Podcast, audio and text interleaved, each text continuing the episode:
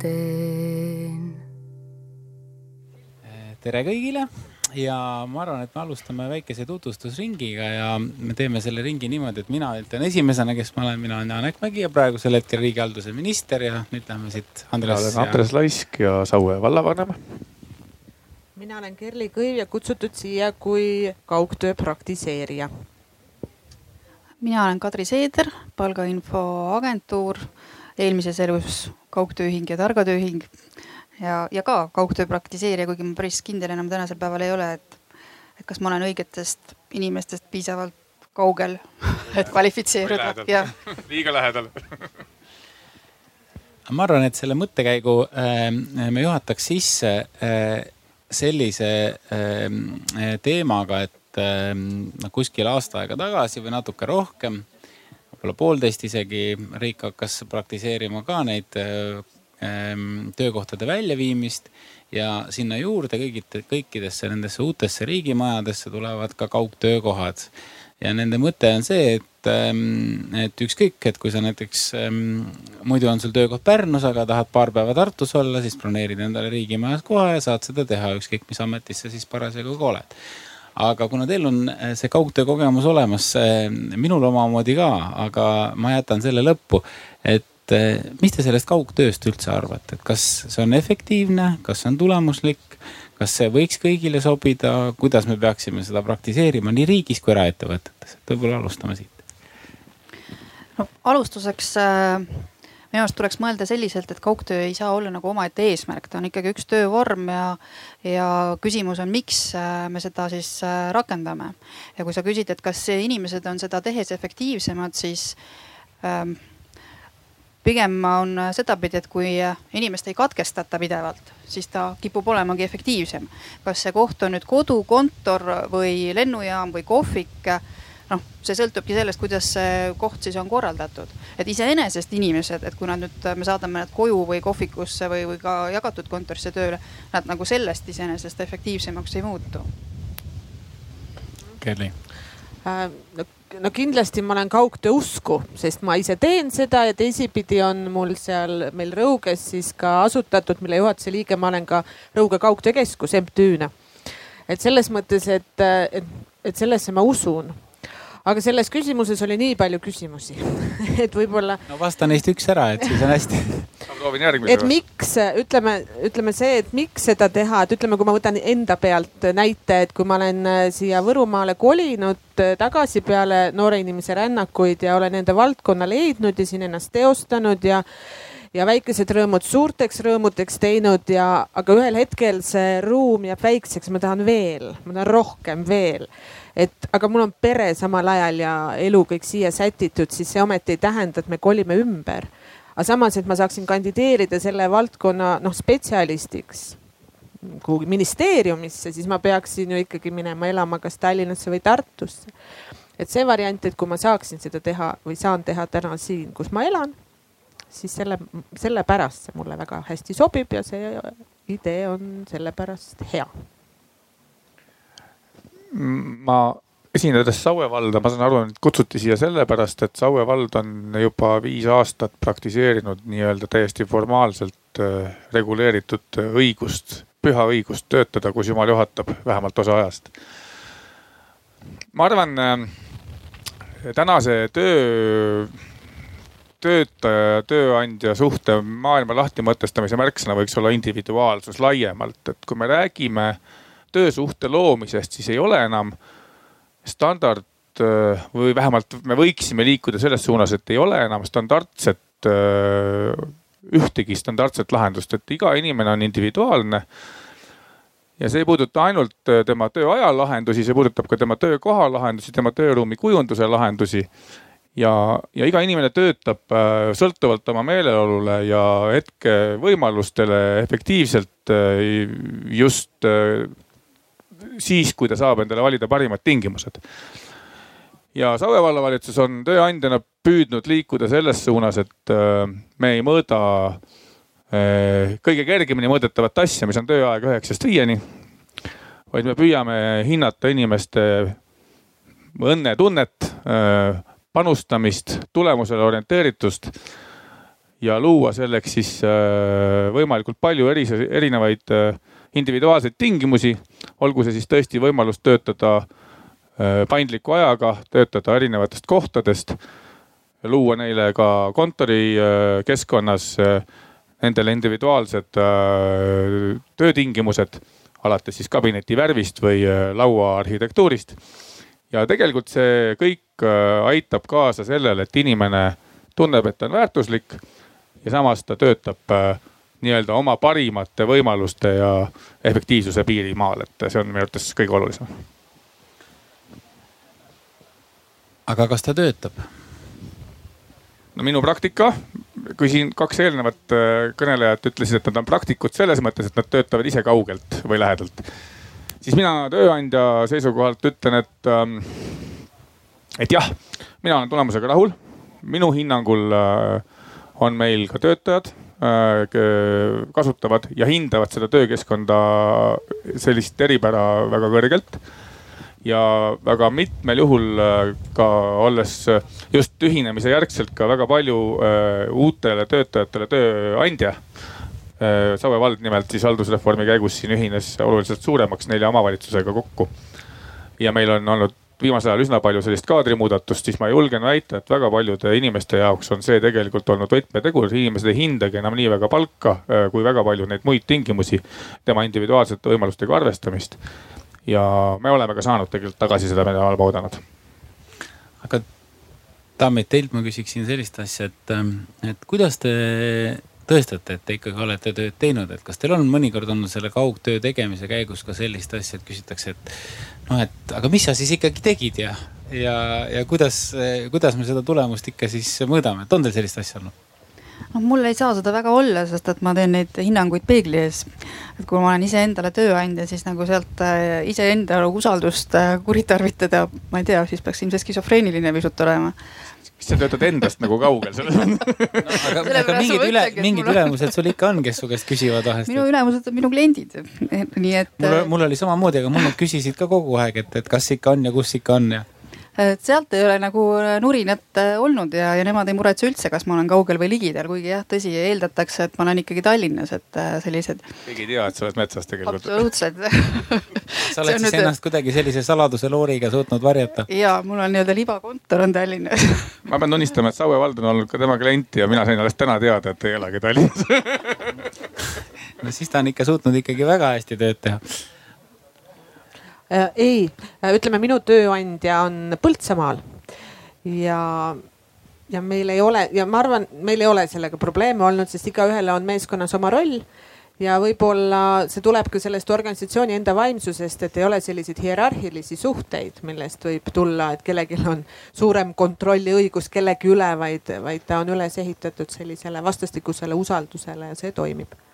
no eelnevad näited võib-olla mulle tundub, et pigem on ka teie puhul tegemist väiksema organisatsiooniga, et äh, Saue vallas on sada töötajat jämedalt öeldes nii-öelda vallavalitsuses, pluss noh, võib veel juurde tuua otse või kaude allasutused, kus kokku on kaheksasada töötajat. ja loomulikult koolidel ja lasteaedadel on oma eripära, mille puhul me ei saa rääkida klassikalises mõttes kaugtööst võib-olla tänasel päeval. aga, aga mina olen küll siin probleemi näinud, et äh, kui ma alustasin selle töökultuuri juurutamisega, siis äh, vallavalitsuse peal istub teadupärast volikogu ja, ja kui olid kurjad vahepeal? no oli volikogu liikmeid, kes küsisid, et mis toimub, et miks inimesed enam tööl ei käi. Äh, ütlen ausalt ja teine selline nii-öelda taak, mis tuleb võib-olla murda või, või dogma või arusaam on tegelikult teiste inimeste, teiste kolleegide arusaam, kellel, kuna töökohad on ka paratamatult erinevad siis äh, äh, vähemalt esimeses etapis oli küll ka seda tunnetada, et vaadati, hakati üksteise peale vaatama niimoodi, et miks tema saab ja, ja see on mingi privileeg, mida justkui antakse. kuigi tegelikult ei ole ju tegemist privileegiga, vaid tegemist on üldise nagu nii-öelda, ma ei tea, töökorraldusliku maailmavaatelise muutusega, mis on äh, nii-öelda põhimõtteliselt kättesaadav võrdselt kõigile. aga kuna mõned inimesed oskavad seda paremini ära kasutada kui teised ja mõnede inimeste ametikohustustest tulenevalt on see ka tegelikult lihtsam ära kasutatav kui teistel. siis eriti selles äh, esimeses etapis oli küll sellist pisut viltu vaatamist, aga ma väga loodan, et äh, tänaseks päevaks äh, vähemalt töötajad, töötajate poolt on selline teema tahaplaanile nihkunud volikogu liikmed ju tulevad ja lähevad, nii et see pole probleem.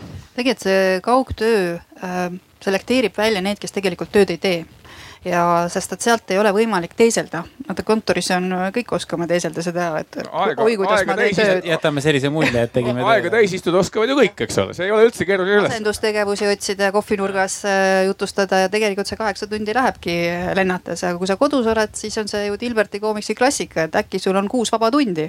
ja inimene tunneb ennast seal juhul jube, jube enesekindlalt ja turvaliselt, sest et ta võib ju alati öelda, et ma olin üheksast viieni kohal, mille üle te nurisete. Aga tegelikult noh, tulemust ei tulnud.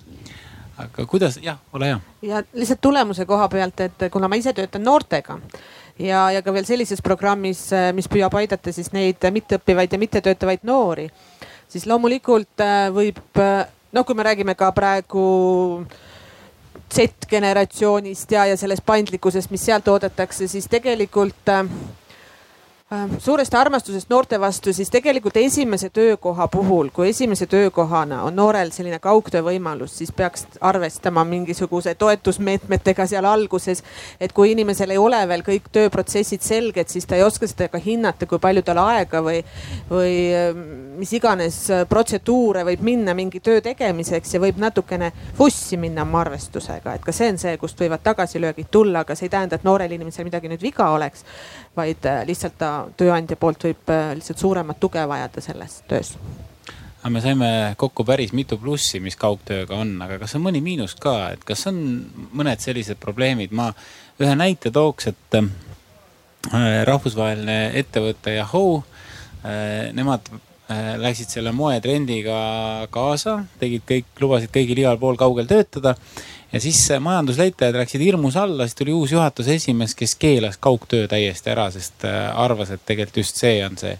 et, et kas on mingisuguseid selliseid miinuseid ka, mis te võite välja tuua, kas enda vaatenurgast või siis ka tööandja, sest ikkagi isegi kui meil on kliendid, siis nad on ikkagi meie tööandjad. no see on, näide on tegelikult klassika, et kui ja seda noh, Eesti puhul juhtus ka, kui suure hurraaga, et oo oh jee, meil on internet ja, ja meil on arvutid ja võingi töötada sealt, kus tahan. ja unustati ära muuta juhtimisstiili, noh seesama, mida Andres rääkis, et sa ei saa enam juhtida kohta ja aega, vaid sa pead juhtima sisuliselt ja aru saama, mida su inimesed teevad ja seda neilt ka noh, tõesti nõudma, et, et see ei laabu iseenesest ja, ja kui inimesed ei taha sul kontorisse enam üldse tulla siis tuleb otsida, et kus see probleem on, miks nad tahavad siis kuskil eemal kogu aeg olla. ja ma olen täiesti nõus, et siin peab nagu sa ütlesid, et jube lihtne on mõõta aega või ma ütlesin seda ise, eks, aga, aga kui sa sellisel viisil töökorraldust juhid, siis sa pead tegelikult kogu aeg tajuma, kas tulemus tuleb või ei tule ja kogu aeg tagasisidestama. ja kui sa seda tagasisidet inimestele mõistlikult ei anna, siis nad ei saa aru, kas nad teevad õiget asja ja, ja, ja võib-olla ei olegi enam nagu nende tulemus enda jaoks arusaadav. Ja selles mõttes ta teeb juhtimise mõnevõrra, ma julgeksin öelda, kindlasti keerulisemaks ta teeb sulle kaks juhtimist sisuliselt, eriti kui sul on äh, niimoodi, et üks äh, seltskond on sul kontoris pidevalt ja teised on eemal.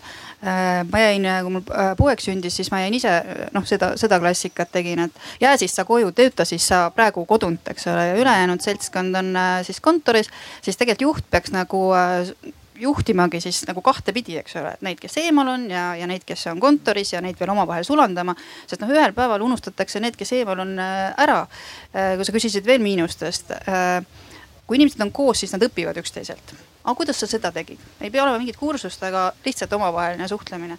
siis noh, need, kes on kogu aeg eemal ja ei ole seda koostöötamise päeva või, või kahte nädalas, nad jäävad sellest maha pluss äh, karjääri ja, ja võimu tehakse ikkagi silmast silma suhtlemisega, midagi ei ole teha. emaili teel ei tee seda. müüki sa telefoni teel ei tee, ütleme nüüd ausalt ja tegelikult ma tahtsin korra seda, seda minu meelest väga hea näitaja kaugtöö, ütleme või sellise paindliku töökorralduse toimimise seisukohalt mõõtmiseks on just see, kas inimesed tegelikult on kontoris või ei ole.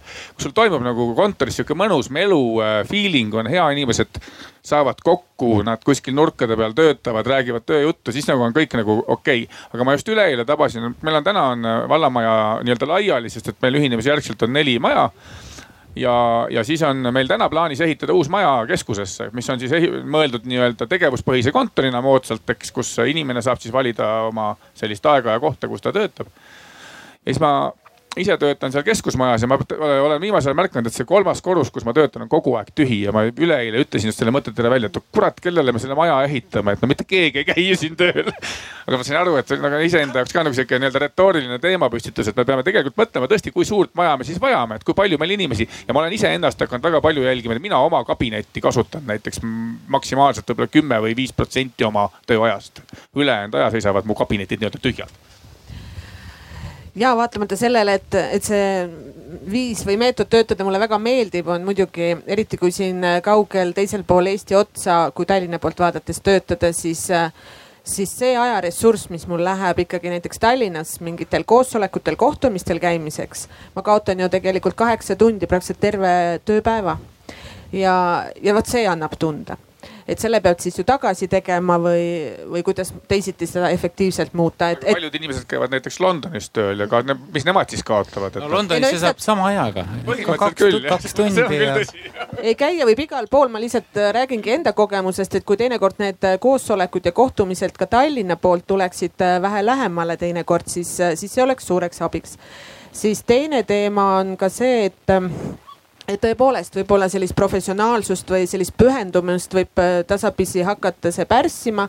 aga selle lahenduseks on siis sellised planeeritud ühistegevused, kus on võimalik ikka kolleegidega aru pärida, arutleda asjade üle ja no ma ei tea, kui tuleks, ongi need riigimajad, siis äh, kas siis alati mõelda, et seal riigimajas on siis nüüd ainult need riigiametnikud või hoopis sama sarnase professiooniga kaugtöötajad äh, võiksid ka seal koos olla ja kes teab, mis sellist uut ja huvitavat sellest võib sündida ja noh, muidugi kõik nutilahendused, sest kaua ma selles väikeses äh, Skype'i aknas või mingi ekraani peal siis oma kolleegidega räägin, et võib-olla mingid uuemad nutikad lahendused võiksid olla, aga see eeldab juba tehnilist baasi ja internetiühendust. see on tegelikult hea mõte, et äh, need riigimajad või ükskõik kuidas nii-öelda kaugtöökeskused võiksid olla mitte ametiasutuse põhised, vaid ikkagi äh, nii-öelda erialapõhised et saavad kokku keskkonnaametnik äh, riigiametist ja. ei, Andres, sinna võid igaüks tulla, sa oled ja. meditsiinitöötaja või ja. õpetaja, kui sa broneerid omal kohe ära okay. ja tuled, et midagi ei ole.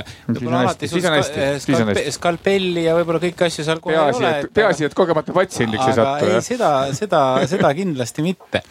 aga eh, kui neid ehm, kaugtöökohti veel natukene analüüsida, siis mm, ma küsin teilt, kas see ei ole nagu natukene asi iseeneses ja ma räägin teile ühe loo. aastal kaks tuhat eh, tuntud visionär Allan Martinson, keda võib-olla mõned teavad ka, ütles, et kõik firmad, kes ei ole internetis järgneva kahe aasta jooksul, on surnud.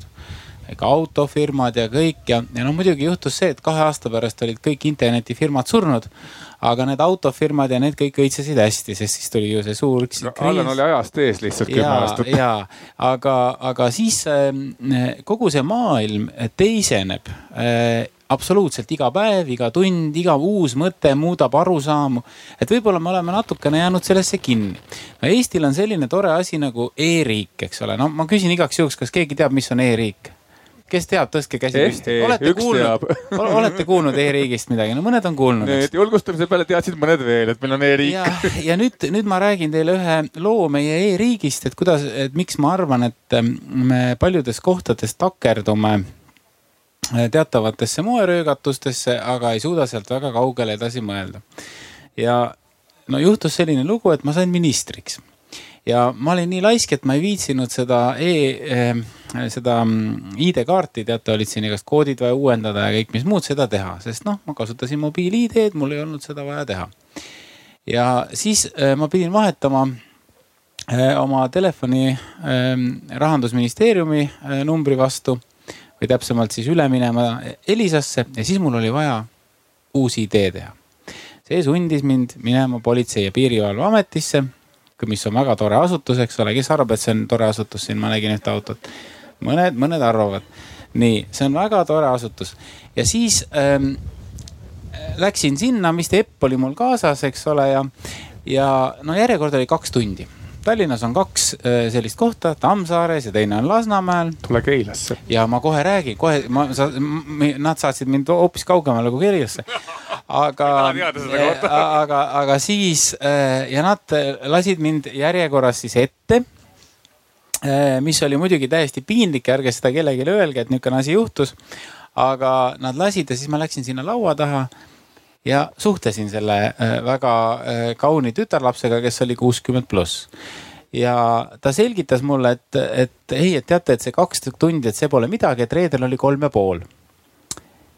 ja siis ma mõtlesin, et oot, oot, oot. ja siis oli Eesti Vabariigi valitsuse istung, kus Elmar Vaher, kes on väga tore vana ja igati meeldiv, selgitas, et kuidas nüüd kohe kaksteist ja pool tuhat kaarti, panite tähele, siin oli jälle üks suur jama, eks ole, tuleb uuendada, tarkvara asi ja siis ma rääkisin seal valitsuse istungil selle loo ära. ja siis Elmar teatab, et Janek, meie oleme arvestanud, et nendes kahes kohas on tund aega täiesti normaalne. et sa seisad järjekorras, et siis on kõik normi piires. no mina ütlesin, no tehke üks koht juurde, no mis see maksab? ei, meie tahame ühe veel ära kaotada, sest meil on e-riik ja siis mina ütlesin Elmarile, et no kulla Elmar, et, et no kuidas see saab niimoodi olla. ta ütles ei, et aga vaata, et, et Haapsalus saad viie minutiga ja Rakveres saad ilma järjekorrata. no tema soovitus oli siis see, et e-riik tähendab seda, et eh, noh, see ei pea olema Eesti Vabariigi minister, see võib olla ka täiesti suvaline tubli kodanik.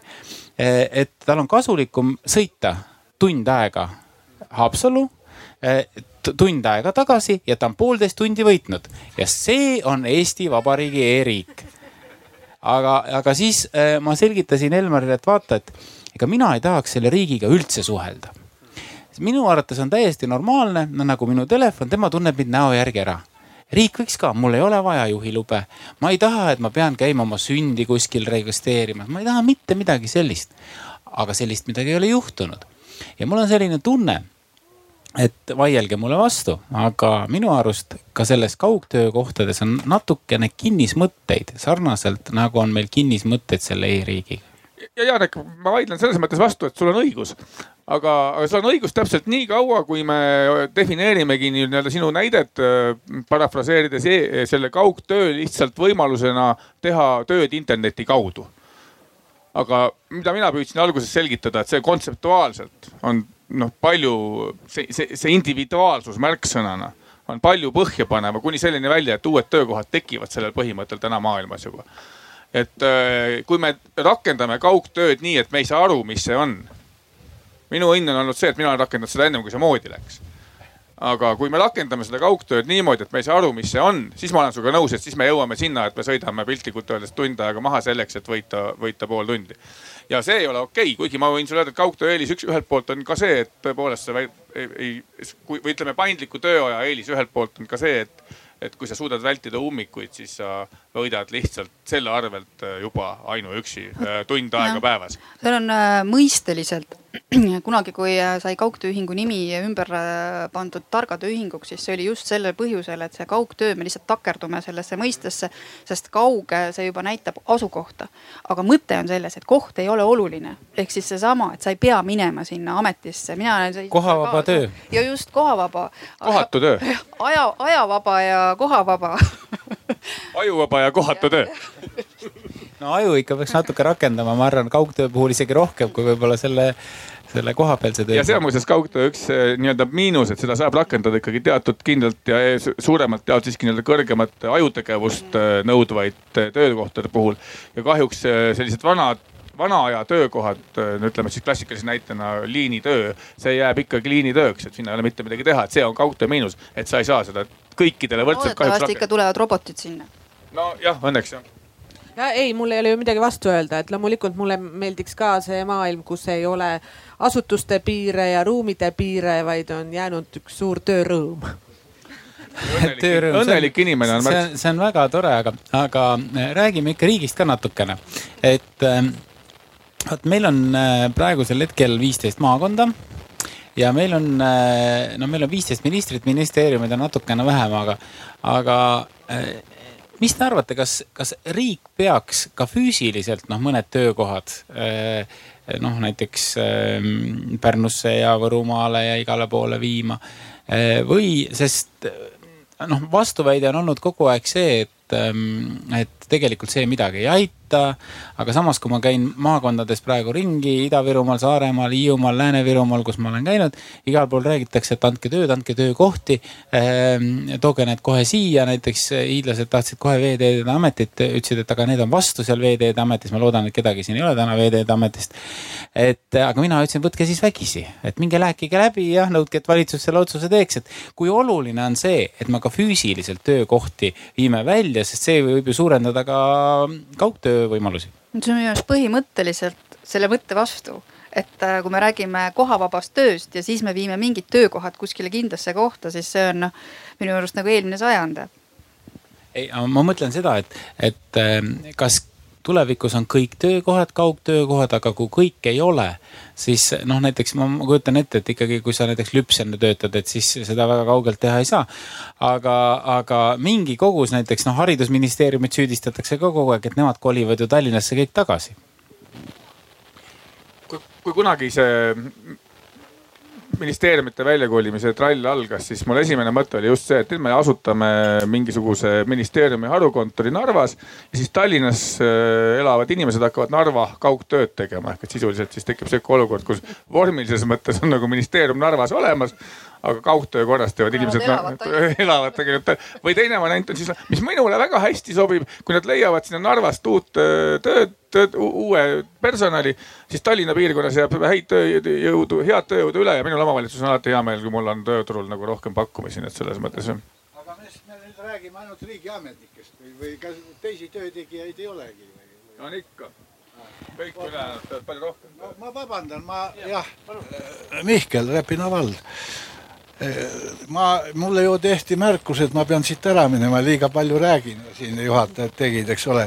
oota, kõigepealt, mis ma teile ütlen, kui tööst räägime, eks, mina hakkasin kaheksa-aastaselt eh, tööle, Väike-Maarja kiirkolhoos oli, mäletad, kes teab, Gavronski oli, Gavronski mäletad, ei mäleta? Pole väike kandi, Väike-Maarja kandi mees, ei tea.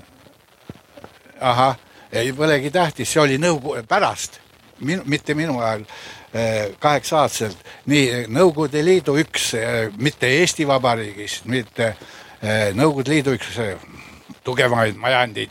no ja mis me räägime, Eesti riik on, mis ta on, Janek?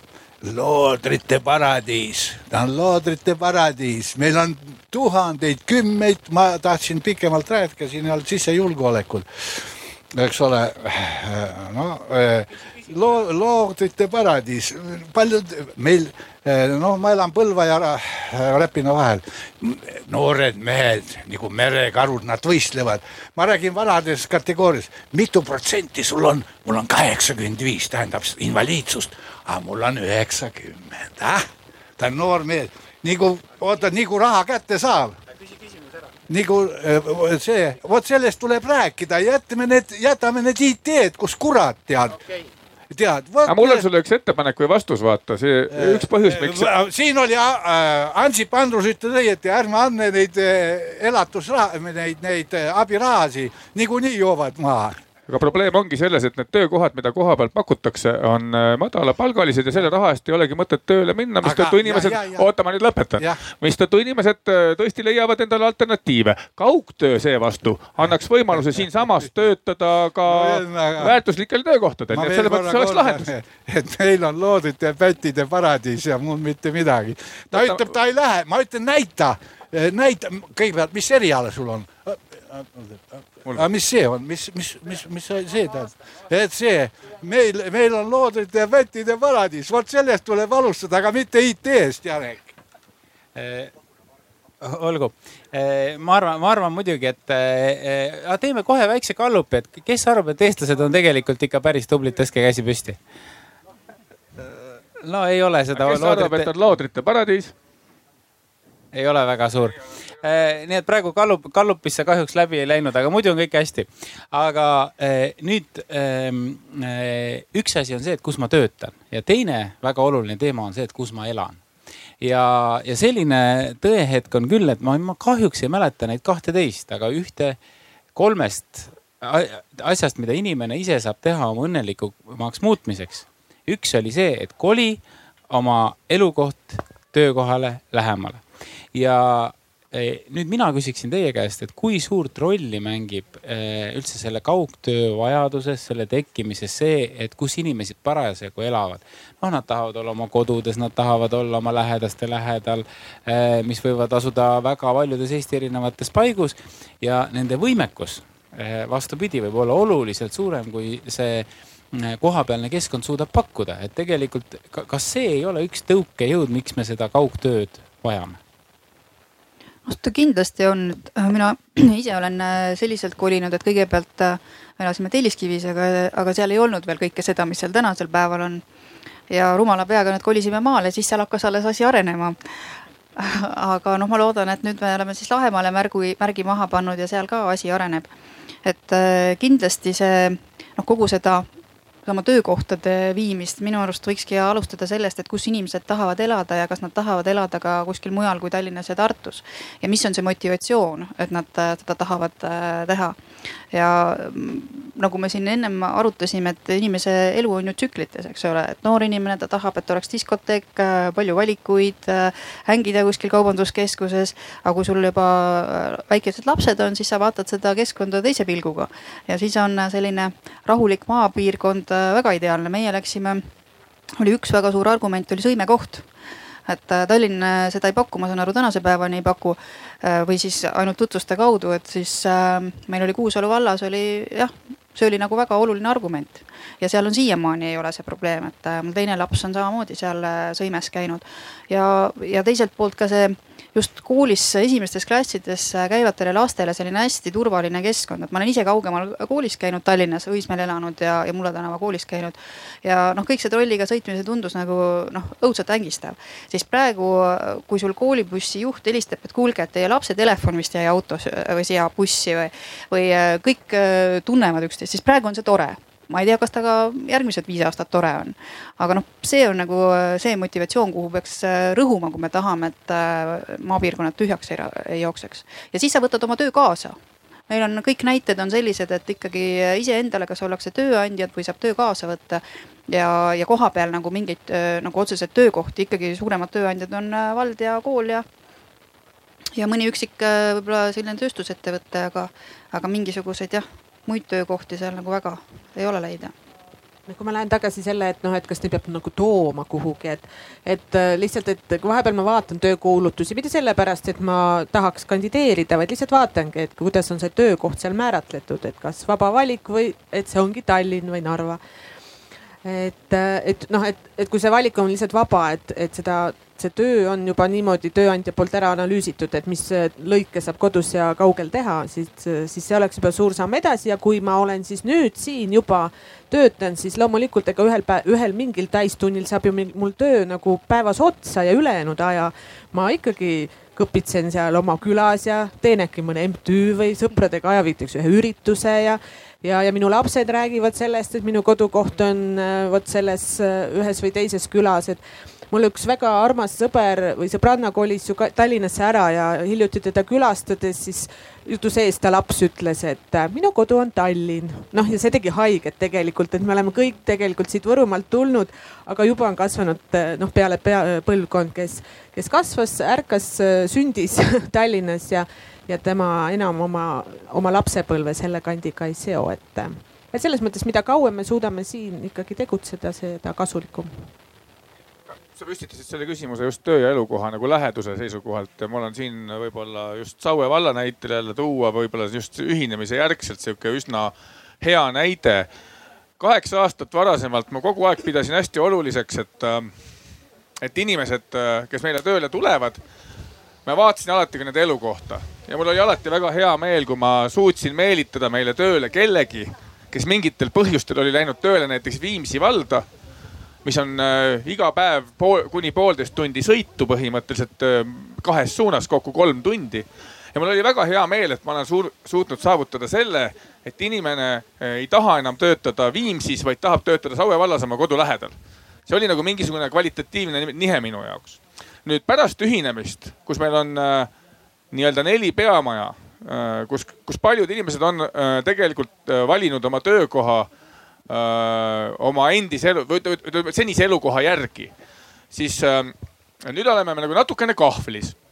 ja siin ma jõuan nüüd sinna selle, selle kaugtöö nii-öelda kultuuri juurutamisse üldse, et kui, kui sa aru ei saa, mida sa teed ja kui juht ei tule sellega kaasa või siis sinu keskastme juht, siis on see hästi keeruline. Ja täna oleme me olukorras, kus äh, nagu me rääkisime, hakkame seda uut maja ehitama ja keskastme juhid äh, äh, vaidlevad mulle vastu. et nemad tahavad oma tiimi saada ikkagi sinna peamajja kokku. ja mina küsin, et kui inimene, kes elab laagris ja on seni töötanud seal laagrimajas ja tema kliendid on seal piirkonnas seal elab seitse tuhat elanikku, siis mis pagana mõistusega me sõidutame mõlemaid igal hommikul kuus kilomeetrit kaugemale keskusesse, et nii töötaja kui siis klient saaksid kokku kuus kilomeetrit oma kodukohast kaugemal ja siis jälle tagasi, eks ole. et kas me tõesti oleme nüüd nii küündimatud, et me ei suuda tööd niimoodi korraldada ja ühiskondliku kulu seisukohalt tekitame sellise absurdse olukorda, et nii inimene kui siis ka töötaja peavad iga päev käima kuus kilomeetrit maha ja ausalt öeldes need diskussioonid on täna väga tugevalt üleval. mina väidan, et me peame suutma areneda tööandjana nii, et inimene saab töötada meie võrgustikus kõige lähemal oma töökohale ja ainult erijuhtudel ja loomulikult peab olema siis sinna juurde siis paika pandud see tööprogramm, kuidas saadakse kokku ja millise sagedusega nii-öelda keskusmajas, kus toimuvad töökoosolekud, sest see on selles mõttes vältimatult vajalik, et sa ei saa loobuda. sa kaotad nagu organisatsiooni kultuuri kui sa üldse nagu äh, silmsidet ei oma, siis sa kaotad organisatsiooni kultuuri, nii et need asjad on tegelikult selle asja, selle münti teine külg, see miinuskülg, millest ma eelnevalt rääkisin, mis kindlasti on vaja paika panna aga ma arvan, et eriti omavalitsuse seisukohalt me peame töökorralduses väga laiemalt, väga täpselt mõtlema ka laiemalt. Mis on ühiskondlik kulu, mitte ainult meie enda organisatsioonide, vaid mis on ühiskondlik kulu. ja siis ma ütlen küll, et me peame suutma seda tööd korraldada teistmoodi lihtsalt. vastasel korral me oleme lihtsalt läbi kukkunud, me pole hakkama saanud Eh, sa mainisid töökorraldust eh, ja kaugtöö on kindlasti töökorraldus, aga, aga sellega on seotud ka see küsimus, et Eestis me räägime, et meil pole piisavalt tööd, noh vähemalt mingites piirkondades ja nii edasi. et kas see töökorralduse paindlikumaks muutumine aitab meil ka eh, töökohti juurde luua ja ma mõtlen mitte kohta nagu füüsilist kohta, vaid et inimesele antaksegi tööd või seal nii otsest seost ei ole? et kas kas töökorraldus aitab äh, võib-olla noh, nii-öelda äh, paremat tulemust saavutada organisatsioonides? mina olen täiesti veendunud, et aitab selles mõttes, et kui me ühiskonnas tervikuna teadvustame, et me ei pea füüsiliselt äh, lähedalt nii-öelda suhtlema. no hea näide on see, et IT-maailmas on tuntud ju India oma nii-öelda odava tööjõu poolest, eks ole, jah.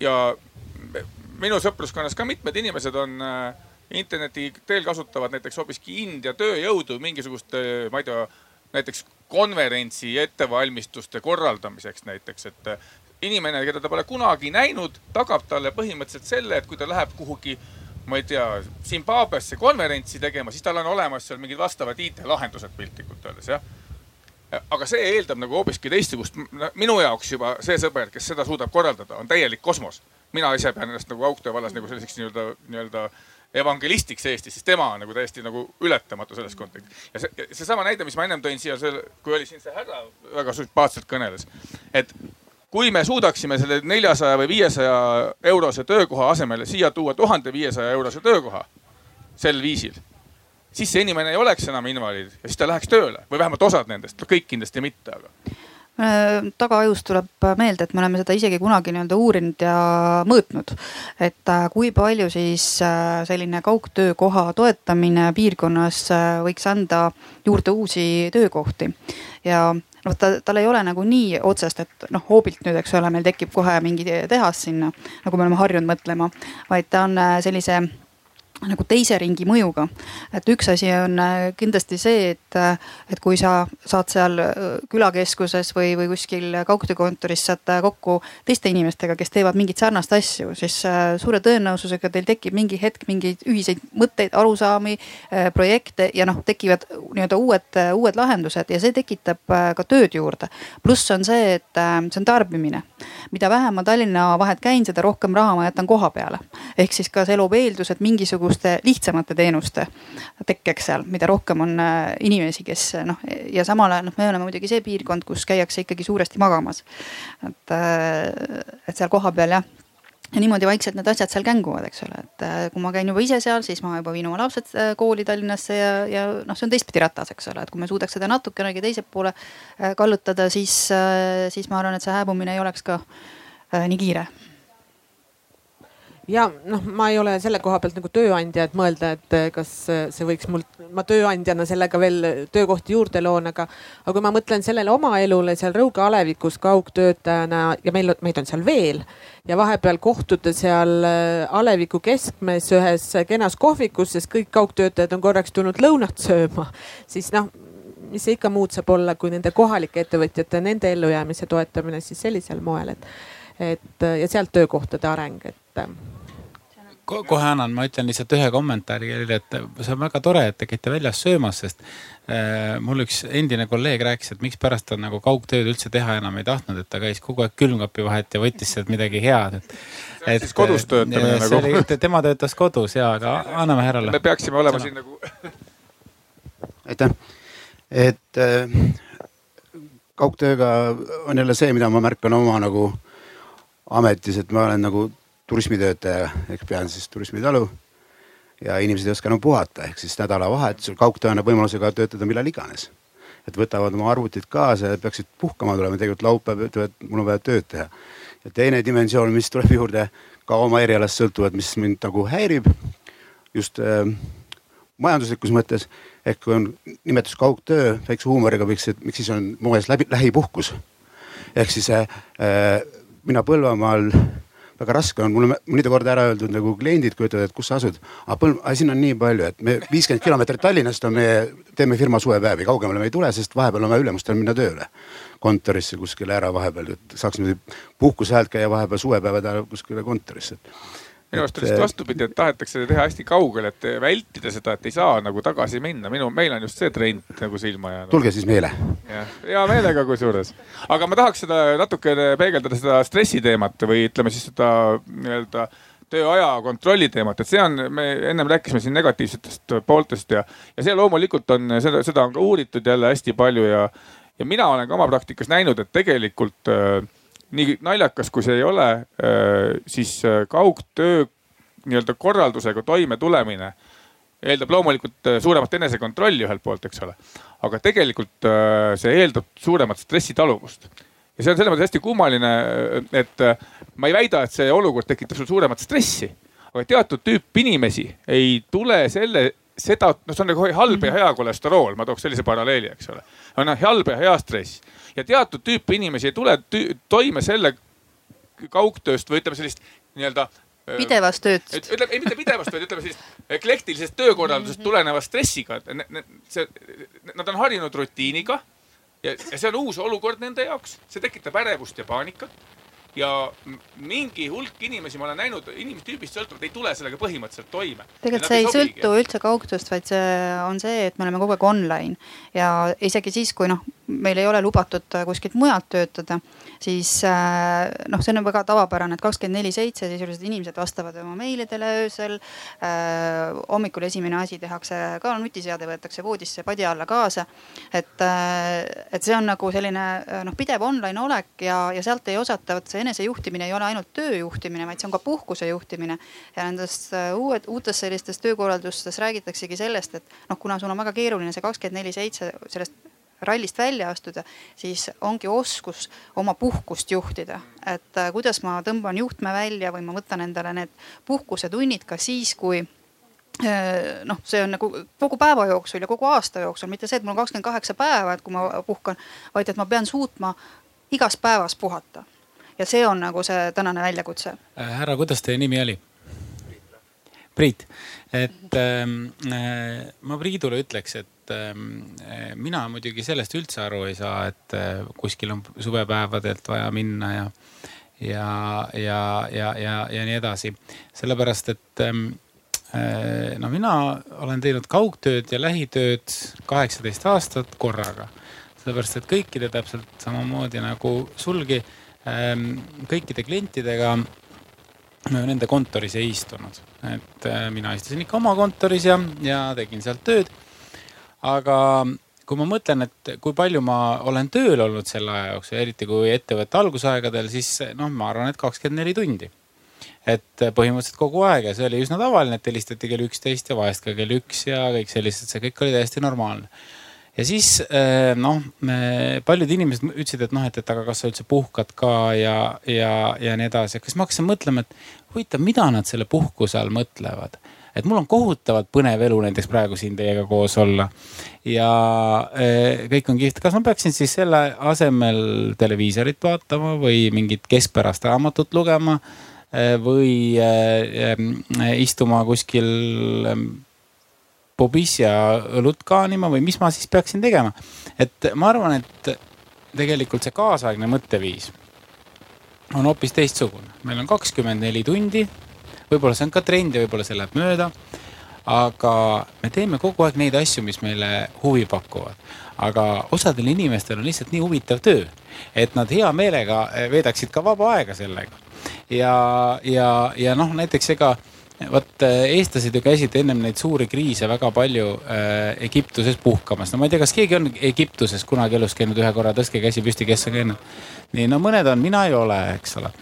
aga äh, ma olen päris mitmes riigis käinud muidugi, aga ma olen alati proovinud vältida neid äh, selliseid äh, isegi riike noh, kui ma ise vabalt valin, ma olen muidugi mõnedesse kohtadesse sattunud ka, näiteks Türgis olen korra käinud, küll mitte puhkamas jälle aga eh, see mõte on see, et meil on kindlad stambid, kuidas me teeme. Siis ma imestan, et inimene läheb ühe korra Egiptusesse, teise korra, kolmanda korra, eh, kümnendat aastat järjest ja siis, kui ta sealt tagasi tuleb, siis tal on muidugi vaja puhata sellest puhkusest, sest eh, noh, see oli ju raske, eks ole, et igal õhtul oli ikka kõva pidu ja, ja raha sai kõik otsa ja, ja, ja nii edasi. ja siis ma mõtlen, et tegelikult ma käin tööl, eks ole, ma olen väga piiratud eh, oma selles töötegevuses, eks ole, aga, aga ma olen oluliselt puhanum ja värskem nii et eh, ma arvan, et see online küsimus, et noh, et kas me oleme online või mitte, see on valik.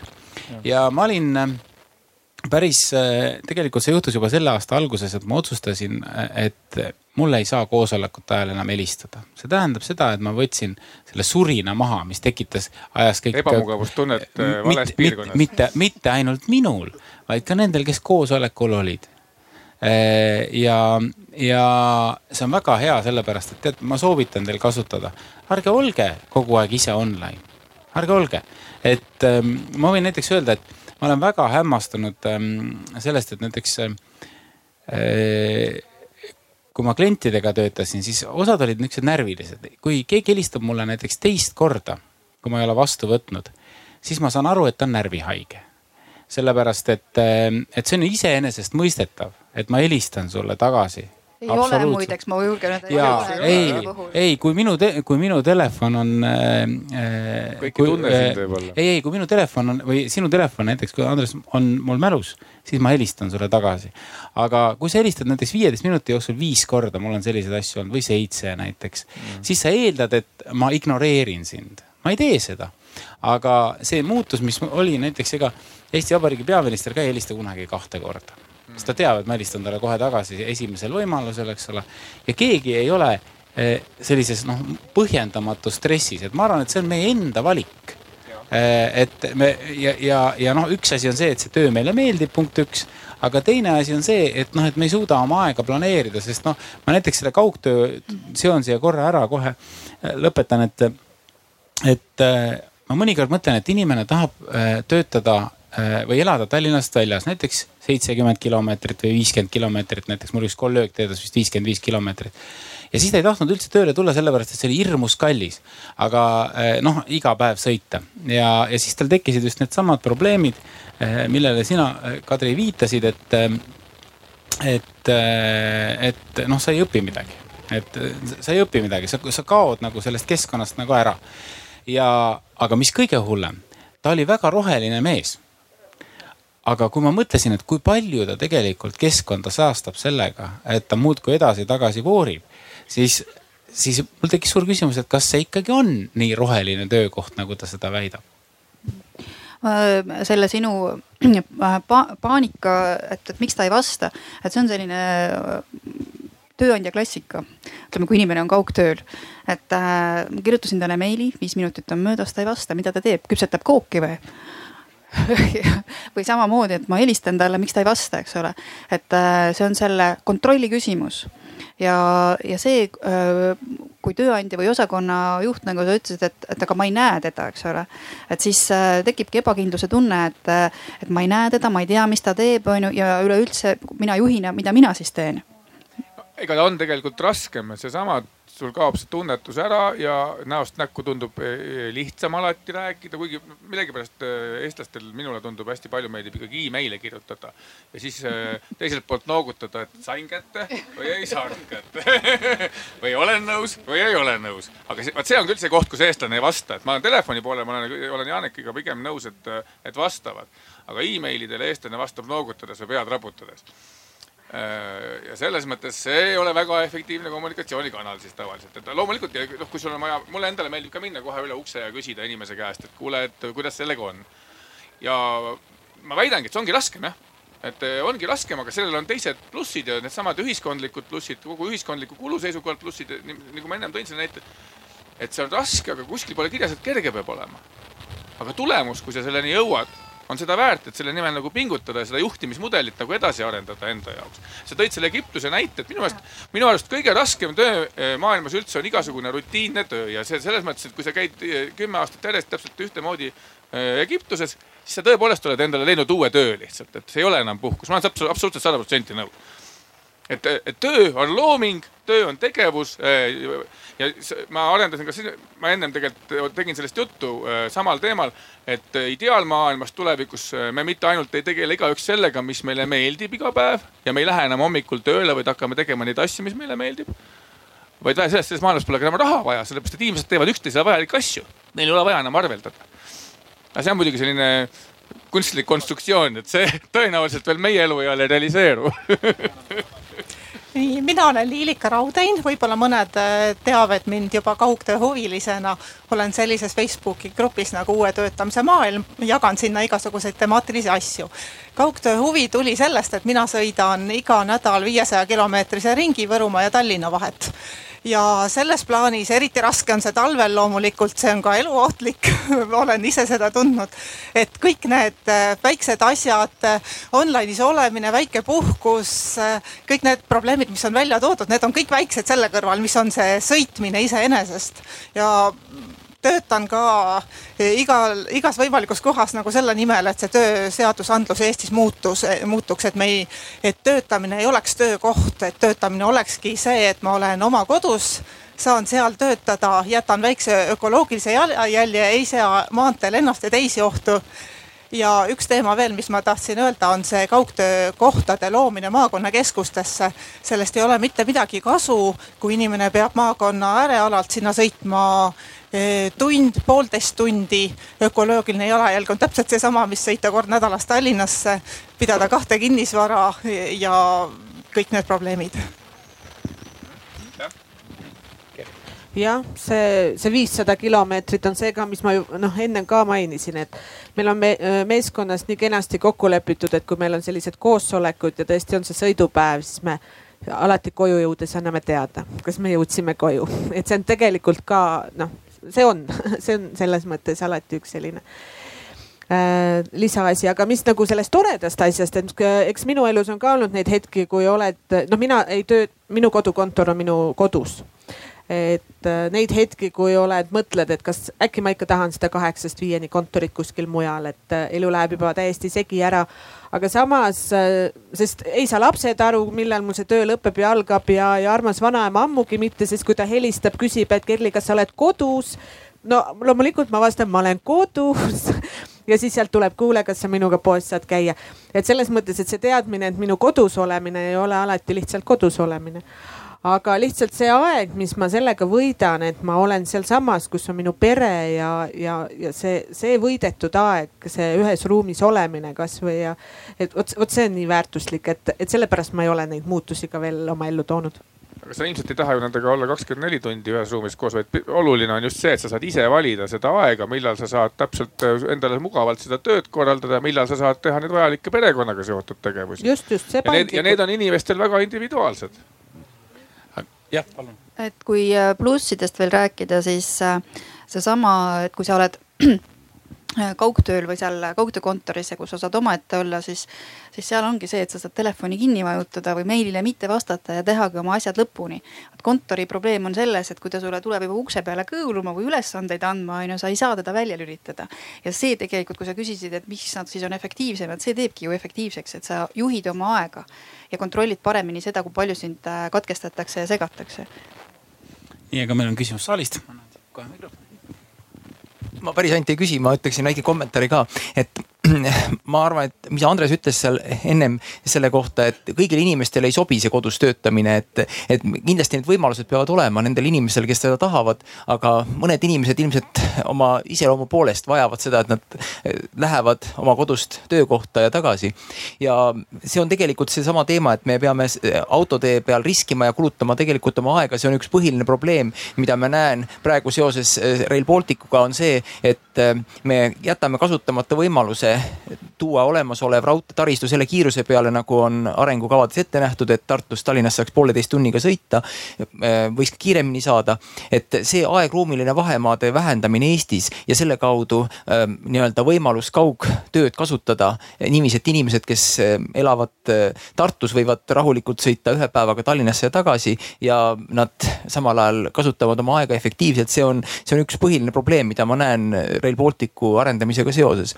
ja ma näen, et tegelikult asjad just selles suunas arenevad muidugi ka nii-öelda isesõitvate autode poolest, et eh, inimesed ei varsti ei vaja enam autot, nad kasutavad eh, nii-öelda töö ja kodu vahel liikumiseks isesõitvaid juhtivaid autosid, sinnapoole asi liigub, aga see paraku ilmselt lähiajal ei jõua veel nii kaugele, et isesõitev auto sõidaks sama ajaga nagu rong. et need on just nimelt see koht, milles raudteel on eelis augruumiliste vahemaade vähendamiseks, mida isesõitvad autod isegi ei asenda veel lähiajal hea näide kaugtööst, et Priit ei jäta ühtegi juhust ka siin näiteks kasutamata edastamast sõnumit oma südamelähedasel teemal Rail Balticust. seda saab teha igalt poolt, igast asendist, saab alati selle teema esile tuua ja aitäh sulle, Priit.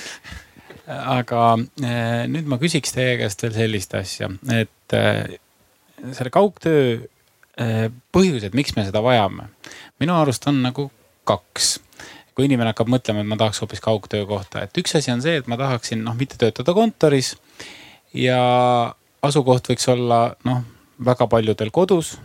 ja, ja see on ka täiesti põhjendatud, kui sa elad kuskil näiteks äh, Lõuna-Eestis ja sa võid töötada mõnele Tallinna firmale, see kõik on okei okay aga teine põhjus, äh, millest me täna nagu pole väga palju rääkinud, on see, et inimesed just nimelt tahavad reisida oluliselt rohkem ringi ja, ja ütleme, kahe tuhandete alguses oli väga trendikas see, et oi, et ma võin ka Palisaarel olla ja teha seal kõik oma tööd. et eh, kumb see põhjus siis nagu adekvaatsem on või on need mõlemad täiesti käigus olevad? No mina tahaks kohe jälle ikka öelda, minu meelest me räägime, ma siin laua taga ka tunnetan, et me nagu äh, kasutame kas valed terminid või ikkagi saame sellest nii kitsalt aru, et kaugtöö hästi kaug, paljude jaoks seostub nagu tööga kas kodust või, või. et see on kaugel tööst jah? ja kaugel tööst ütleme ja, ja see on klassikaline, et kui ta juba tööst kaugele on jõuda, seda tööd siis ka ei tee, eks ole. et, et selles mõttes mulle meeldib, kas see, see paindlik töö või siis see tark töö või, aga ma ütlen, et me saame ilmselt ka, me saame ka nendest mõistestest nagu ilmselt täiesti erinevalt aru, et see, see sõna individuaalsus on minu arvates siin märksõna ja, ja mõni inimene äh, soovib äh, ühte ja teine teist. ja selles mõttes ähm, äh, mina arvan ikkagi, et iga inimene on kõige tulemuslikum siis, kui ta saab iseennast juhtida, mitte teda ei juhita. ja kui inimene, noh, minul on ka jällegi oma tööalaselt näide konkreetselt üks kolleeg, kes kaks kuud aastas töötab siiamaani, ma ei tea, see võib olla seitsmekümnendate näide, ma ei tea, või üheksakümne üheksa või kahe tuhandete alguses oli või. aga kaks kuud aastas antakse vallalehte välja meil hoopiski mõnelt äh, saarelt kuskilt Lõunamere Vabariigist ja, ja mitte keegi ei tea ega saa sellest aru. aga leht on hea.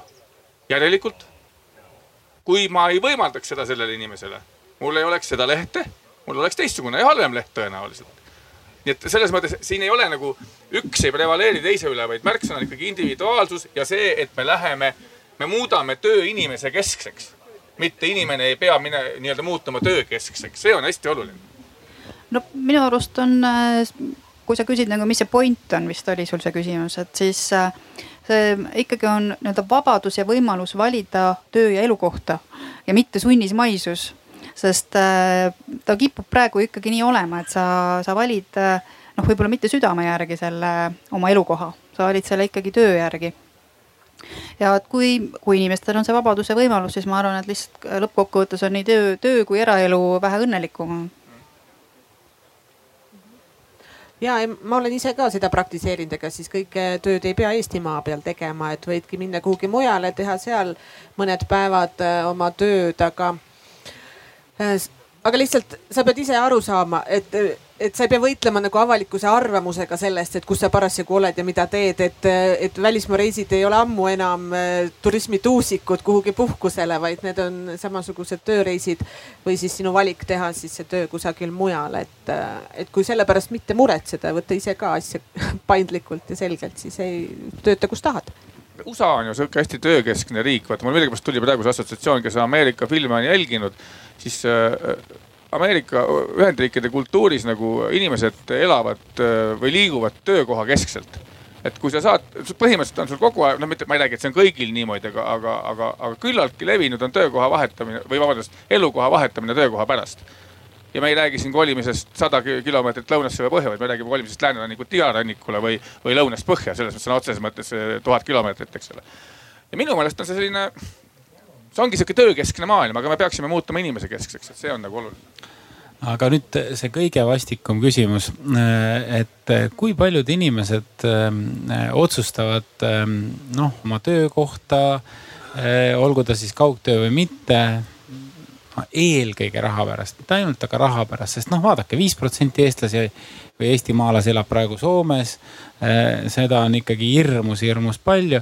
et kui palju kogu selles äh, tööprotsessis, ükskõik siis kuidas see korraldatud on, mõjutab meid raha?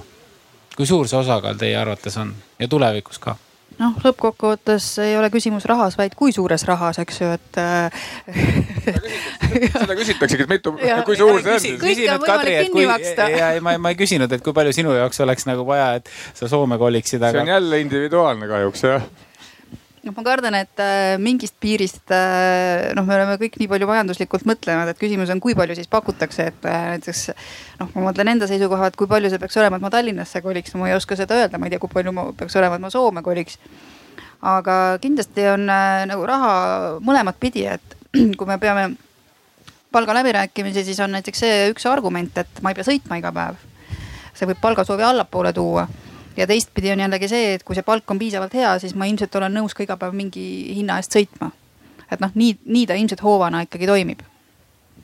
no see on aus tunnistus kindlasti, ma arvan, et minu puhul on see täpselt samamoodi. Kerli no mina elan sellises kohas, et ega mul seal palju valikuid ei ole ja ma arvan, et kui mulle oleks äh, raha oluline, siis ma oleks juba läinud aga, aga selles vanuses olla siin ikka veel järelikult on millegiski muus asi, järelikult elukeskkonnas ja, ja sõprades ümberringi. aga ma ei oska öelda üldist hinnangut teiste inimeste kohta ma ei tea, võib-olla tuleb see minu puhul ka aastatest, aga mulle tundub ka järjest enam, et inimesed minu ümber väärtustavad vähem raha ja rohkem selliseid muid väärtusi ka töökohtade puhul ja selles mõttes protsenti panna on seda keeruline, kui ma lambist ütleksin selle järgi, et äh, kui palju me äh, maksame võib-olla kohati vähem, aga saame ikkagi häid töötajaid äh, tulenevalt võib-olla meie töökeskkonnast, siis see vahe võiks olla, ütleme ma noh, selle skaala järgi kuskil kümme kuni viisteist protsenti oleks see kindlasti aga see on muidugi täiesti meelevaldne paralleel, et me konkureerime ju paljudes ametites näiteks erasektoriga ja selles mõttes avaliku sektori eripära on mitte ainult see meie, meie konkreetne töökorraldus, vaid paljud inimesed valivad erasektori asemel avaliku sektori sõltumata madalamast palgast, sest et see on näiteks, näiteks nii-öelda nende hinnangul nagu turvalisem ja, ja nii-öelda võib-olla ka mingil määral missioonitundega rohkem näiteks. ja palun mul on küsimus võib-olla ka, võib-olla rohkem isegi ministrile, et eh, kui me oleme siin jõudnud eh, sõbralikule arusaamisele, et see individuaaltöö on midagi, mis, eh, mis võiks tulevikus meid aidata ja meile kõigile nagu meeldiks selles tulevikus olla, et kas me saame midagi teha, et kiiremini see tulevik kohale jõuaks, et see ei oleks sellise üksikute võimekate välja võidetud privileeg, vaid kas avalik sektor saab olla siin teenäitajaks sellises töökultuuris? Äh, me pingutame kõvasti, see on esimene. We are second best, so we try harder. ja siis, äh, siis teine ja väga aus vastus on see, et kui ma nüüd täiesti oma isiklikku arvamust, pikaajaliselt kujunenud arvamust ütlen, siis mina ei tea, kas ühiskondlikke protsesse on võimalik juhtida või mitte. ja ma arvan, et see õige vastus on, et ei ole mida rohkem mina erinevaid äh, ühiskonnateemalisi raamatuid olen lugenud, seda rohkem ma olen jõudnud arusaamale, et ähm, üks inimene, sada inimest ja tuhat inimest ei suuda mitte midagi. Äh, suudavad miljonid ja äh, need miljonid, et miks nad hakkavad ühes või teises suunas liikuma. sellele vastus puudub, miks me kolime internetti miks me ei taha enam eh, kahte lehma pidada maal, mida minu vanaisa ja vanaema mõlemad tegid ja õpetasid mind lüpsma? Eh, miks ma ei saa enam loorehaga sõita, mida ma lapsepõlves tegin, miks niisugused trendid on? ja noh, paljud teist võib-olla mäletavad, no kes on sündinud ennem üheksakümne esimest aastat, tõstke käsi püsti.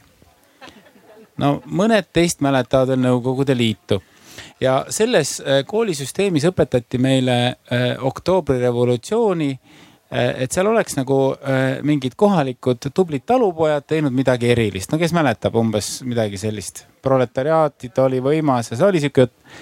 aga kui mina nüüd ajalooraamatuid olen lugenud ja filme vaadanud ja nii edasi, siis ma olen aru saanud, et tuhande üheksasaja kaheksateistkümnendal aastal teise maailmasõja tulemusena kukkus kokku Euroopas ja Lähi-Aasias neli suurt impeeriumit. Äh, Venemaa, Austria-Ungari, Saksamaa, Ottomanide impeerium. see oli ajalooline hetk ja kui me vaatame näiteks, kas tuhat üheksasada kaheksateist äh, oleks ähm, Eesti mitte vabaks saanud, aga Läti ja Leedu oleksid saanud, no see oleks olnud suhteliselt ebatõenäoline et eh, need olid sellised ajaloolised protsessid. ma küsisin ühes eh, otsesaates Heinz Valgu käest, et, et Heinz, et räägi mulle sellest lauljast revolutsioonist, et tead minu arvates, et, et see ei olnud see põhjus, mis me vabaks saime. et no näiteks, kui me oleks tantsinud, et kas me siis ei oleks vabaks saanud ja siis Heinz ütles, et ei, et kui me oleksime tantsinud, siis me oleksime ka vabaks saanud. Ja siis meil oleks olnud tantsiv revolutsioon ja kas te olete, kujutaksite ette, et üheksakümne esimesel aastal, kui Nõukogude Liit kokku kukkus ähm,, oleks juhtunud selline asi, et Läti ja Leedu oleksid olnud vabad, aga kuna meie piisavalt, eh, piisavalt kõva häälega ei laulnud, et siis meie ei oleks vabaks saanud.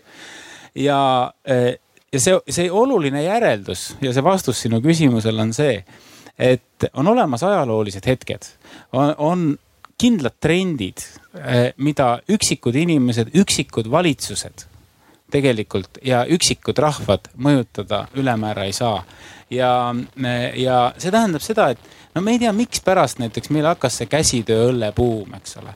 et ma, ma ei tea. mina tean, hea asja hakkas vähe andma. no võib-olla see oli see põhjus, eks ole. ma, aga ma ei tea, miks nad hakkasid kõik, no vaat seda ma ei oska vastata sellele, miks nad hakkasid kõik äkki seal Lätis õlle järgi käima.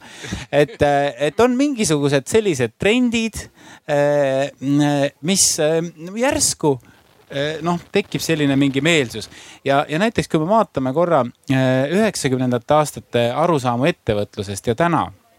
siis teate, eh, üheksakümnendatel aastatel ettevõtjad ikkagi töö ajal jõid õlut ja veini ja viina, lõunad, värgid, kõik selline kultuur. täna tähendab, kui sa, kui sa näed kedagi noh, töö ajal Tallinnas kedagi noh, nii-öelda napsitamas lugupeetud inimest, siis lugupeetud inimesed tegid seda, mitte äh, sellised suvalised külajoodikud.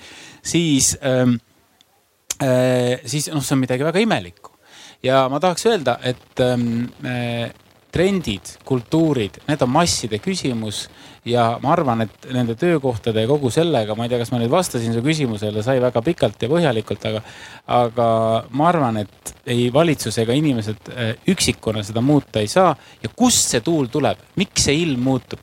vaat seda keegi tegelikult vastata ei suuda.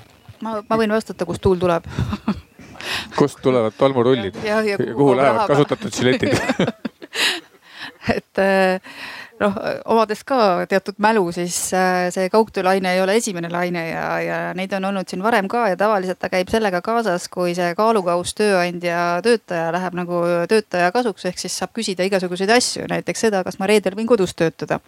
ja kuna järjekorda ukse taga ei ole, siis äh, tööandja mõtleb ja ütleb, et äh, miks ka mitte.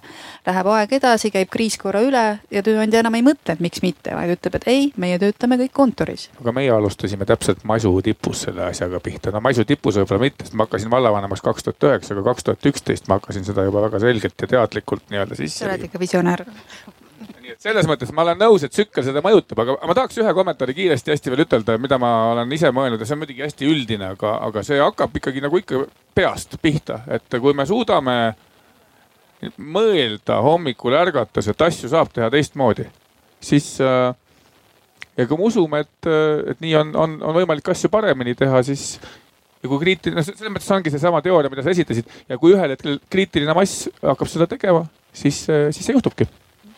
Aitäh, Anneli Ott olen, et ma tooks, ma tooks ka ühe, ühe näite, mis siin tõstatus, see ühiskondlik nagu hoiak või et tegelikult selle kaugtööga ja ja üks asi on kaugtöö, et, et see, et minu kodukoht või et ma olen või ma saan teha kodukohas tööd, teine on see, et minu töökoht on paindlik, eks ju, et ma ei pea kaheksast viieni, et ka see on väga oluline tegelikult. Aga see ühiskondlik hoiak, et me tegelikult väga hästi veel ei suhtu sellesse, et äh, naabrinaine saab kodus teha, aga minu amet on võib-olla selline, et mul ei ole võimalik, et äh, see ei ole kindlasti populaarne näide, aga ma võtan kasvõi näiteks meie Riigikogu saali. et Riigikogu liikmena sa saad pahandada, et miks mm -hmm. sa ei istu saalis aga. kui kaugel sa saalist oled, eks. aga see pahandaja ei kujuta ette, et tänapäeva tehnika juures on mul see saal minu kabinetis, minu fraktsiooni ruumis, koridoris ja see, kui ma istun seal saalis, ei tee mind absoluutselt efektiivsemaks, eks ju, et tõesti on asju, ma pean minema nuppu vajutama saali, seda ma täna ei saa veel teha kahjuks siit äh, Võrumaa kodust ja ma pean samamoodi iga nädal sõitma viissada kilomeetrit selle tohutu äh, riskantse maantee peal, aga aga, aga, aga see ongi nagu see meie nagu nii-öelda ümbermõtlemise võime, et me ei ole ju täna enam selles olukorras, et võtame siis nagu näitlikult, et Riigikogu saalis pead istuma, et teada, mis seal toimub, et täpselt samamoodi ei pea istuma kabinetis, et teha tööd. ja, ja, ja see töö, ma olen olnud organisatsiooni juht, hommikul tööle läinud, küsin sekretäri käest, et kas ma tean, kus meie nõu, nõuandja või spetsialist täna on, eks ju, et, et, et mina ülemusena mitte kunagi ei vaadanud seda, et ta istuks kaheksast viieni seal, et, et vastutus oli see ja see pidi tehtud olema, kas tal oli laps haige, pidi ta minema kuhugi, see oli tema asi, kuna ta selle töö tegi, et see kaheksast viieni absoluutselt nõus, et me võiksime selle ära unustada ja olla palju efektiivsemad. aga sa küsisid, kuidas avalik sektor saaks eeskujuks olla ja tegelikult ma tookski siin võib-olla sekundeerides sulle selle välja, et äh, ma veel, ma arvan, et kaks nädalat tagasi pidin vastama küsimusele, et aga mida me siis äh, valijatele ütleme, kui meil vallamajas kedagi ei ole? Et äh, tegelikult on siin avalik sektor on nagu erakordselt äh, tobeda surve all, et kui me tahame olla eeskujuks, siis tegelikult meil samal ajal nii-öelda niikuinii arvatakse ju, et riigisektoris mitte midagi ei teha ja kõik istuvad äh, aega surnuks lihtsalt. Ja kui nad ei ole veel, siis on see ju täielik katastroof. Ja selles mõttes selles olukorras äh, eeskuju näidata või mingit trendi luua on see, et sa pead tegelikult iga päev nagu mingis mõttes väikeste tuuleveskitega võitlema, tõestamaks, et, et nii saab. No mina arvan muidugi, et pärast natuke rohkem kui kuu aega avalikus sektoris elus esimest korda töötades ma vaatan, et tegelikult see on ikka väga tubli et äh, on väga tubli ja, ja noh, meie selles superministeeriumis on ju selline lugu, et igaühe jaoks ei ole isegi oma lauda.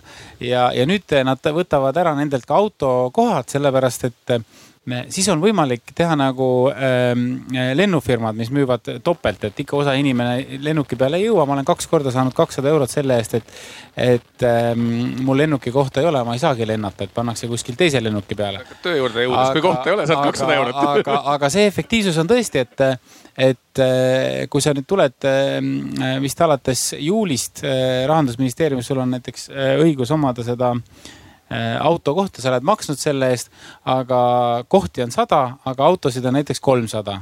ja mm, see on täiesti võimalik, sest kogu aeg keegi on lennus, et kui sa ära optimeerid, siis äh, kõik võibki olla väga-väga palju efektiivsem, töökohtadega samamoodi. aga nüüd, äh, kuna publik on juba sõna saanud, siis ma annan teile kõigile võimaluse lõppsõnaks, ma arvan, et alustame siis, kes alustab? alustame, alustame Kerlist Al alustame Kellist, ole hea, et ähm, võta kokku kogu see arutelu ja oma mõtted. et kas meil neid siis neid töö, töökohti vaja on ja millises mahus? et selles mõttes kok kokku võtta, on kuulda kokku võtta, no mida ma olen siin kuulnud ikkagi seda, et me peame oma, oma definitsioone ja oma, omaenda sõnumeid ka korrigeerima, et, et ja ühiskonna sellega kaasa tõmbama. et ja võib-olla mõtlema mingite täiesti uute lahenduste peale veel ka sellest, et ka tänane traditsiooniline mõte ka veel muutuks, sest kui kohe tuleb peale see uus generatsioon, siis tegelikult me ei mõtle seda ju, mida me homme teeme teisiti, vaid tegelikult, mis kümne aasta pärast tööelus toimub minu arust on siin nagu kaks äh, olulist asja, mille ümber me oleme lammutanud ja, ja mõtteid vahetanud. et äh, üks on see, et kuidas me saame oma töökorraldust teha efektiivsemaks ja targemaks. Ja, ja selleks kindlasti selline paindlikkus ja sealhulgas ka vastutus kindlasti üks viis on. Et, et me ei peaks enam nii aja ja koha keskselt mõtlema. Äh, mis minu arvates noh, ikkagi see raamistik on meil praegu, kui sa võtad töölepingu seadust, siis see on ju ikkagi veel ajakeskne ja kohakeskne. ja kui sa ütled, et kuidas äh, nagu võiks kaasa aidata, et noh, me ei saa võib-olla trende luua, aga me saame nendega kaasas käia ja mitte takistada. ja, ja näiteks äh, üks kindlasti selline paindlikult töötamise väljund on sama OÜ-tamine, mida me oleme siin kõvasti kirunud. et ma julgen öelda, et need on seal pooled vähemalt on nii-öelda kaugtöötajad või paindlikult või targalt töötajad, kes on otsustanud, et tegelikult kõige lihtsam paindlikult töötada, on iseendale tööandja olla. Aga teine pool, mida me oleme siin ja mis, mis on nagu ka võiks olla sellele kaugtöö kaasa aidata, on äh, maaelu äh, alleshoidmine. Ja, ja sellel, äh, miks me seda väärtuslikuks peame, sellel on ju väga mitmeid põhjuseid, et, et me ilmselt seal ei ole see raha. maal on kindlasti ebaotstarbekas täiesti elada, see on, see on mitmes mõttes, eks aga et me ikkagi, kui me seda väärtuslikuks peame, siis äh, töö kaasavõtmine, töötamine seal, kus mulle meeldib elada, see on ikkagi võtme, võtmetähtsusega. mina võib-olla rõhutaks äh, veel kord seda äh, individuaalsust, millest ma alustasin. et töö peab muutuma inimesekeskseks. ma tahaks elada tulevikus maailmas, kus on olemas loomingulised tööd, mida teevad inimesed Äh, ja need saavad ja seda tööd on teha võimalik siis vastavalt iga inimese individuaalsetele vajadustele ja võimalustele. ja siis on olemas mitteloomingulised tööd ja selle töö teevad ära robotid. selline võiks olla selline tuleviku selline mudel. ja teine teema, mida ma ütleksin äh,, oleks siis see, et me peame mõtlema ka uue põlvkonna peale, see käis siit korra ka läbi. Kuidas me saaksime uue põlvkonna nii-öelda tööharjumusi kujundada nii, et nad heal meelel panustavad ühiskonna arengusse äh,. arvestades nii-öelda tänaseid trende, et kui me oleme sellistes eelmise sajandi töödogmades, siis on väga suur oht, et need inimesed, äh, kes täna Eestis tööjõuturule jõuavad, lähevad kas kuhugi teise kohta suurema raha peale ja see on juba siis nii suur raha, mis nii-öelda maksab selle asja üle või nad lihtsalt jäävad töö, tööturult kõrvale, et äh, heal juhul muu juhtub see, et nad hakkavad ettevõtjateks, see oleks siis see positiivne stsenaarium. Hakkavad OÜ-tama nii et need oleks nagu need mõtted minu poolt. Äh, aitäh, ähm, omalt poolt ütlen, et mina olen olnud OÜ-taja juba kaheksateist aastat, eks ole. Äh, kui Postimees kirjutas, kui ma ministriks sain, et mu palk oli kaks tuhat ükssada viiskümmend eurot, et ütles, et see on nii vähe, et sellise raha eest tegelikult keegi ei tohikski tööl käia. Aga, äh, aga minu arust inimesed peavad saama elada sellist elu, nagu nad tahavad. Et äh, olla õnnelikud niimoodi, nagu nad tahavad, sest see, mis võib-olla tundub Andresele õnn, võib-olla tundub mulle õnnetus.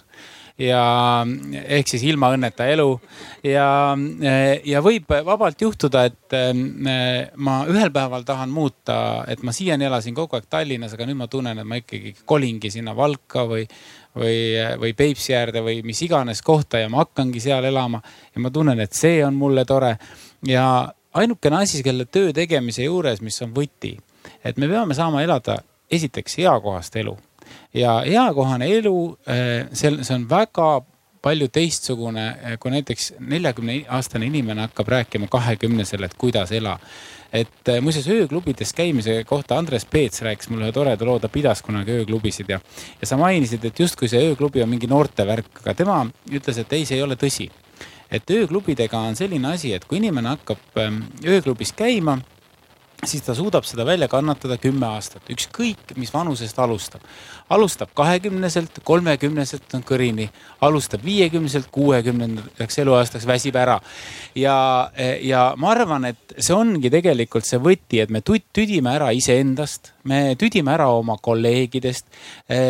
ma mäletan kaheksakümnendatel aastatel, kuidas vanaisa oli tegelikult ikkagi üsna ära tüdinud oma lehmadest Eh, ja kuna ta oli neid tõesti, ütleme, ma arvan, eh, noh, seitsekümmend aastat või isegi rohkem tegelikult eh, toona pidanud pidama ja, ja siis me tahame luua mingeid kindlaid stampe, aga ma mõtlen, et see võib-olla see moodne ja tulevikumaailm ongi selline, kus äh, me ei piira üksteist. aga äh, ühiskond tervikuna piirab meid väga palju ja, ja miks ta piirab, on see, et et me peame ikkagi ühiseluliste reeglitega arvestama. et noh, me peame ikkagi arvestama, et meil on kolmsada tuhat inimest, kes räägivad vene keelt ja me ei saa öelda, et ärge rääkige. Äh, meil on äh, väga erinevaid sotsiaalseid gruppe, äh, kelle ootused riigile ja meile endale on väga erinevad meil on erinevaid haigusi, meil on neid, kes liiguvad ratastooliga, aga meil on ka viisteist tuhat skisofreenikut ja ka nendel on õigus Eesti Vabariigis elada. ja psühhopaate on meil palju, neid, neid muuseas ma olen pidanud, Postimehes ilmus see nimekiri psühhopaatidest, et kus nad kõige rohkem äh, ameteid on. seda viimast nimekirja. ja kümme ja ma vaatasin. ma, ma mõtlesin seda, kellele viisat ei anta. ei, ei, ei mitte seda, aga et kümme, no seal oli, äh, ma nüüd võtsin ühe psühhopaadi ameti endale veel juurde, see oli riigiametnik. aga seal oli ajakirjanik ja, ja, ja müügijuht ja kõik, kõik, kõik. ma vaatasin, et kümnest kaheksat ametit ma olen pidanud. aga, äh, aga see tähendab, et me oleme väga-väga erinevad ja, ja see, mis ütleme näiteks mulle võib-olla sobib, ei pruugi väga paljudele üldse mitte sobida. ja siis, kui ma üritan ühiskondlikku trendi luua, et teate, et elada on õige nii, siis ähm,, äh, siis tegelikult tulemuseks on see, et tekib kohe ärritus. et minu moraal võib-olla kokkuvõtteks oleks see, et elage nii nagu tahate. tehke, mida tahate, töötage, kuidas tahate, peaasi, et ei virise. üks lause oli kunagi, et kui teil midagi teha ei ole, ärge tehke seda siin nii et äh, aitäh teile ja, ja, ja, ja, ja, ja, ja ma arvan, ma arvan, et, et veel viimane mõte, enne kui sa saad sõna. et ja see viimane mõte on see, et ma arvan, et tegelikult, et kõige parem vaba aja veetmise viis on ikka töö, et see on kõige kultuursem. aitäh no,. siin äh, härra Janekile ma äh, vaidlen vastu. vaata, see ei tööta, aga las ta, see on nii. üks isik võib maailmas väga palju teha tuhat üheksasada üheksakümmend üks, kolmeteistkümnes jaanuar. kes oli Tallinnas? Boris Nikolajevitš Jeltsin. pange talle mälestusmärk, vot see ei ole, ma tean Tallinna paremini, oi vabandust, ma olen kolm korda Tallinnas elanud, seal on mingi tahvel seal trepi all. pane talle sinna, kus on Vene kultuurimaja, vot sinna pane talle mälestusmärk ja, ja olge talle tänulikud, see on äh, kõik need laulupeod ja kõik need oleks õhku lennanud. Boriss Nikolajev Seltsin tuli meid ja päästma. teise ja teiseks joomisest sa rääkisid. riigikogu saalis, riigikogu saalis joob ennast kloun.